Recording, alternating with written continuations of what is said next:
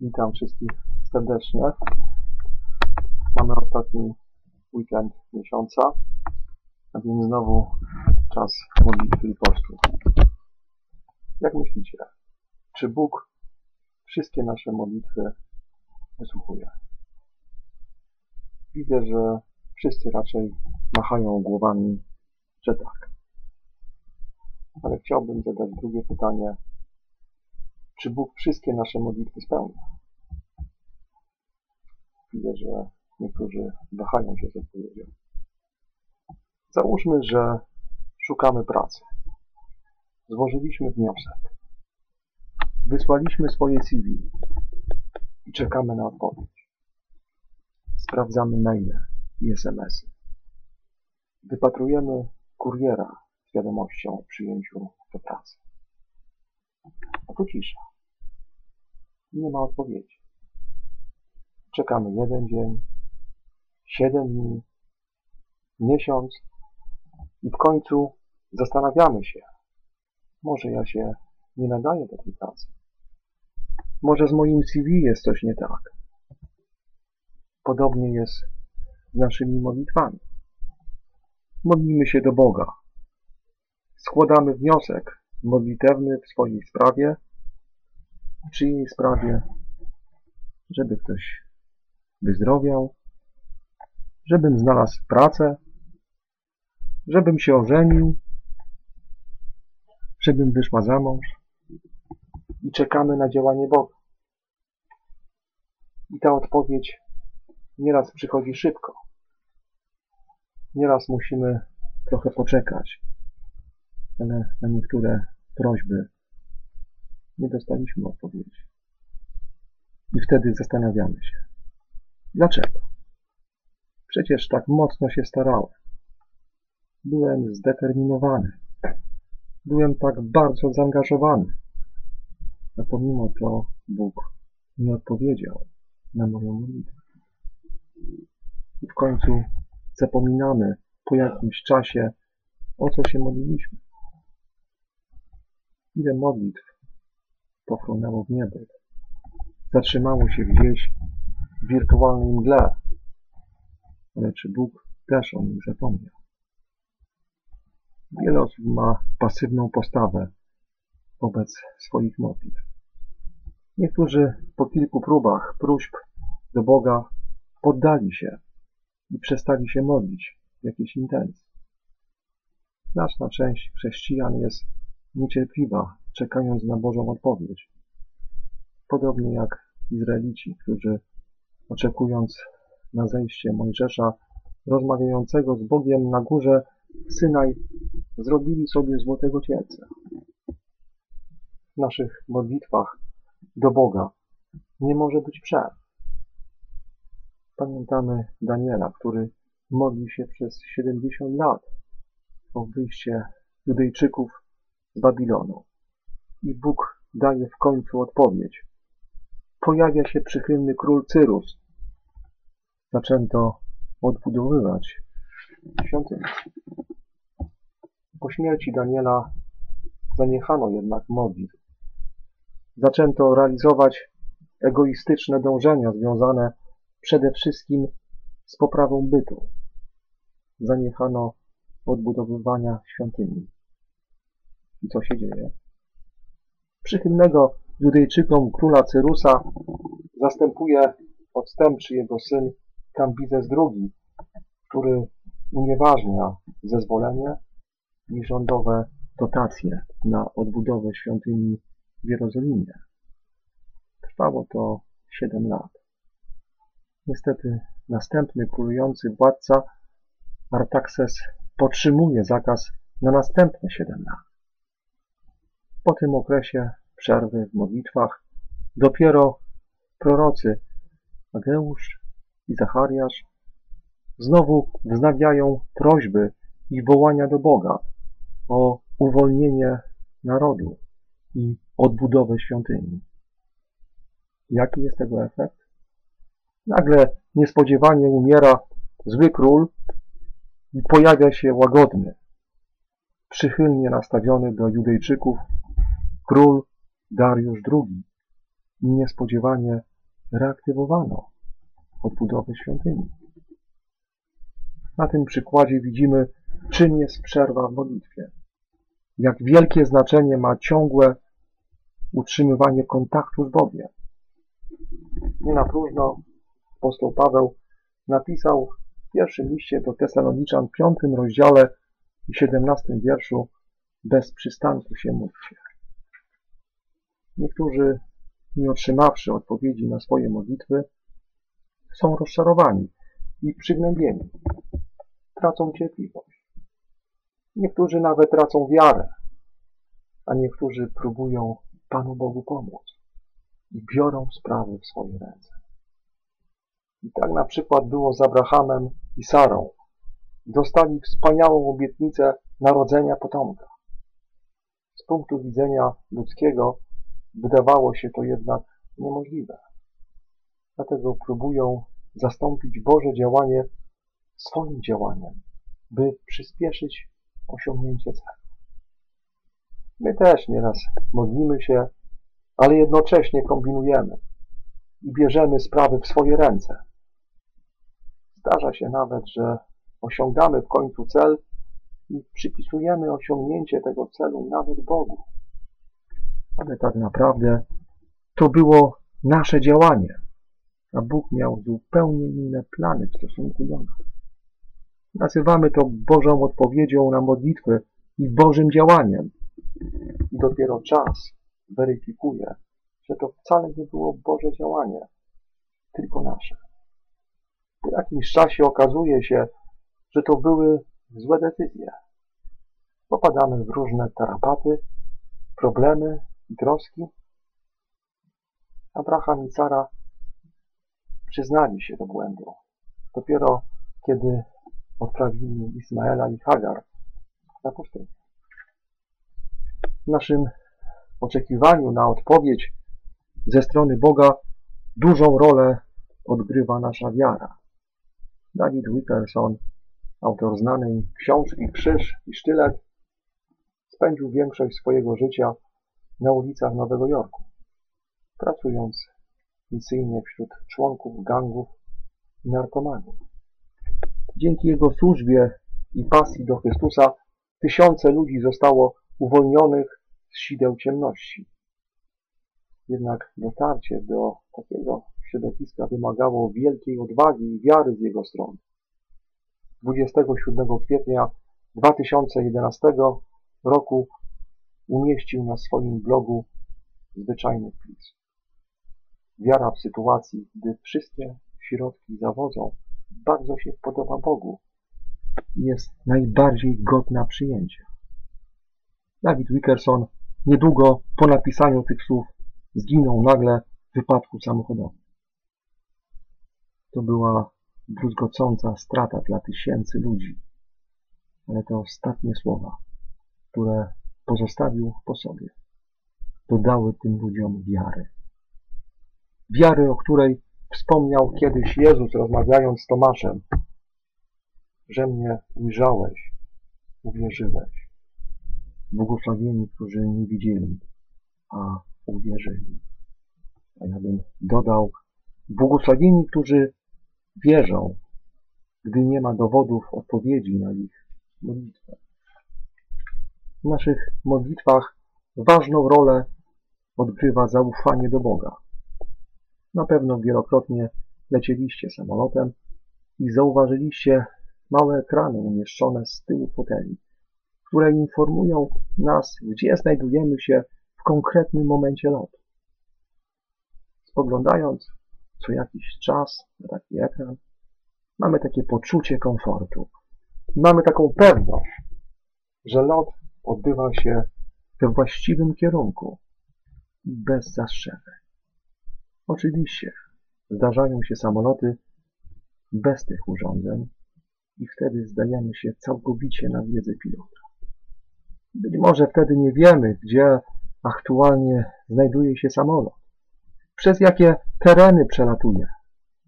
I możliwe, że istnieje jakaś nuta niepewności, czy na pewno lecę w dobrym kierunku. Ale raczej ufamy pilotowi. My też obecnie odbywamy niesamowity lot, którego celem jest niebo. Czy wiecie, kto jest pilotem tego samolotu? Oczywiście nikt z nas nie ma żadnej wątpliwości. Pilotem jest Jezus Chrystus. Często w czasie tej podróży nie rozumiemy Bożego działania, pojawiających się nieoczekiwanie różnych okoliczności, sytuacji i przeszkód, ale całkowicie ufamy Jezusowi. Mamy pewność, że zmierzamy w dobrym kierunku do nieba. Bóg odpowiada na nasze prośby przez Słowo Boże.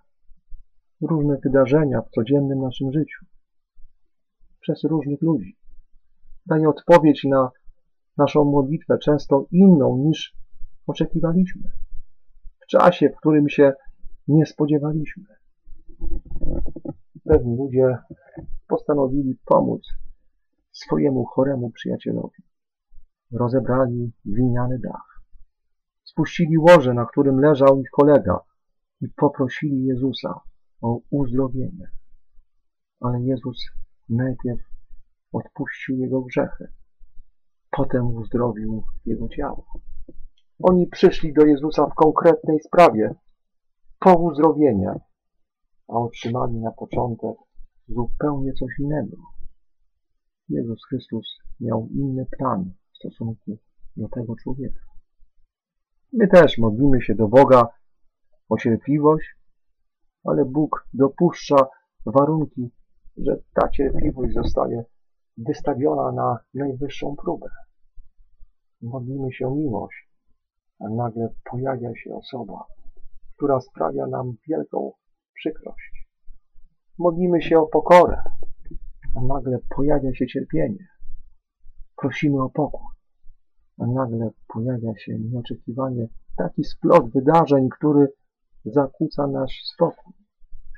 Co zrobić, żeby zrozumieć działanie Boga w odpowiedzi na nasze modlitwy? Potrzebna jest tutaj chrześcijańska dojrzałość. Módlmy się o to, by Duch Święty pomógł nam rozpoznać i zrozumieć sposób Bożego działania. To jest cała recepta.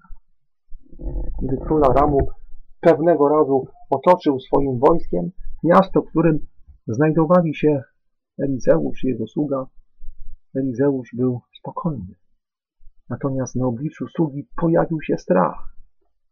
Jak na to wszystko zareagował Elizeusz? Otwórzmy drugą królewską, szósty rozdział, wiersze od 16 po 17, strona 409.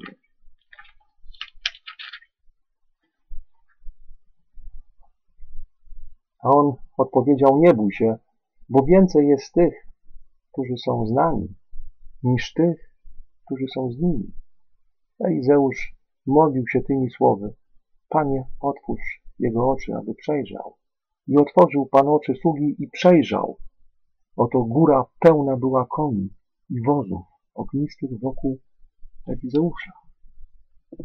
Otwórz oczy. Nie patrz oczami ludzkimi, ale zobacz, co Bóg chce Ci pokazać. Podobna historia wydarzyła się, gdy Bileam podążał na oślicy. Nagle na drodze stanął anioł.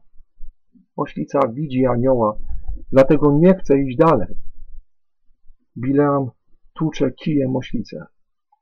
Zwierzę rozpoznaje działanie ręki Bożej. A prorok, kierujący się własnym rozumem, miał z tym poważny problem. Wtedy anioł pański zwraca się do Bileama. Otwórzmy czwartą księgę Mojżeszową, 22 rozdział i 32 wiersz, strona 175.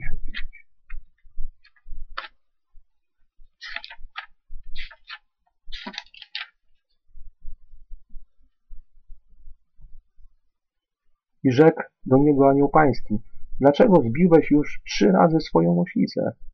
Przecież to ja wyszedłem jako twój przeciwnik, gdyż droga twoja jest zgubna i wbrew mojej woli. Bóg mówi do Bilama, zejdź ze swojej drogi, bo ona jest zgubna. Podążaj moją drogą. My też nie rozpoznajemy często Bożego działania w odpowiedzi na nasze modlitwy. Zmierzając do celu, napotykamy osoby lub zdarzenia, które traktujemy jako przeszkodę. A tak naprawdę jest to celowe działanie Boga, byśmy się ocknęli, dostrzegli szczegóły, których wcześniej nie widzieliśmy, zobaczyli Boże działanie, porzucili swoją drogę, a poszli za głosem Boga. Bóg nieraz odpowiada na naszą modlitwę i mówi stanowczo nie. Nie rób tego. Nie chodź tą drogą. Porzuć swój grzech. Pamiętajmy, że nie też jest odpowiedzią. Otwórzmy pierwszy list piąty rozdział i czternasty wiersz. Strona 1328.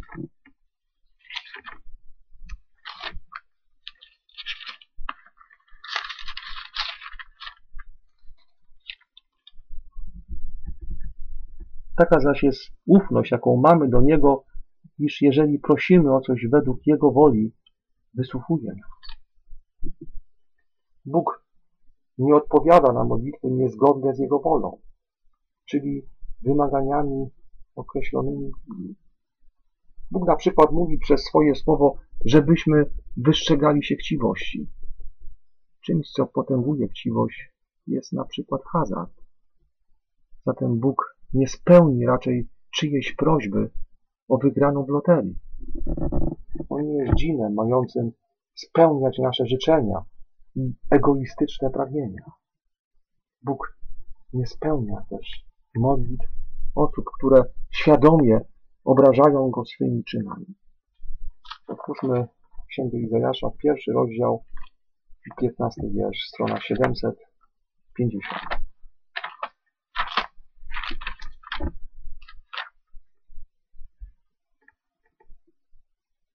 A gdy wyciągacie swoje ręce, zakrywam moje oczy przed wami, choćbyście pomnożyli wasze modlitwy, nie wysłucham was, bo na waszych rękach pełno krwi.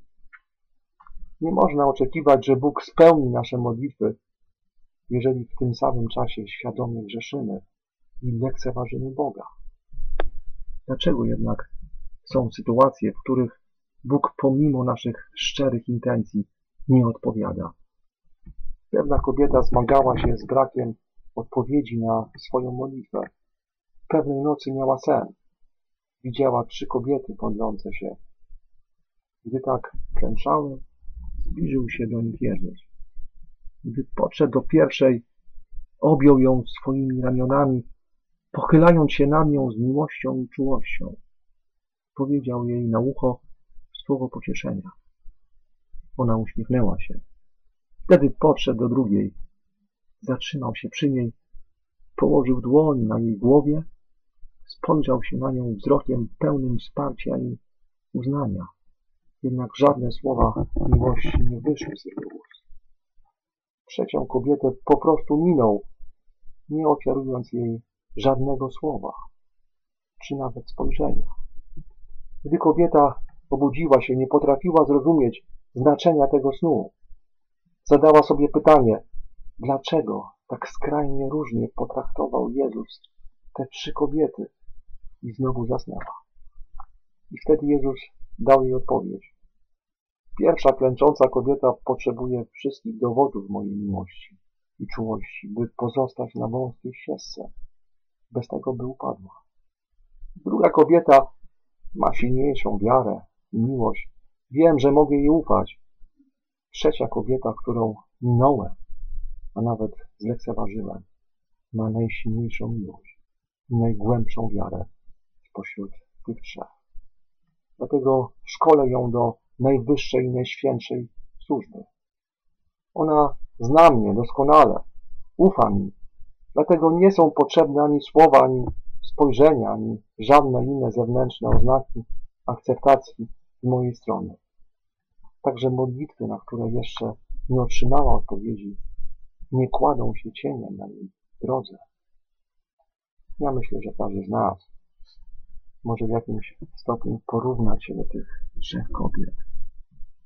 A przez to zrozumieć, dlaczego Bóg w sposób bardziej wyrazisty daje odpowiedź na modlitwy tym być może słabszym, a innym o silniejszej wierze nie daje odpowiedzi.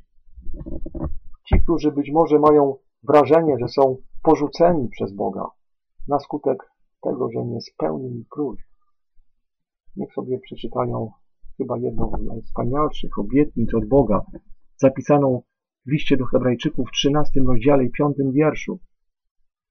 Nie porzucę Cię, ani Cię nie opuszczę. Bóg milczy, bo chce nas doświadczyć, a niedługo potem przekazać nam jakiś ważny przekaz. Gdy zachorował Łazarz z Betanii, Marta i Maria zawiadomiły o tym Jezusa.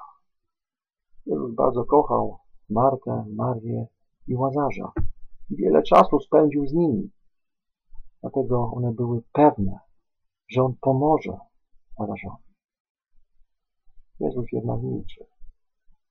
Nie organizuje żadnej wyprawy, mimo że doskonale wie, co się dzieje z jego przyjacielem. Łazarz w końcu umiera. Zorganizowano ceremonię żałobną. Przygotowano odpowiednio ciało. Przywalono kamień na grobie i wtedy dopiero po czterech dniach od śmierci Łazarza Jezus przerywa milczenie.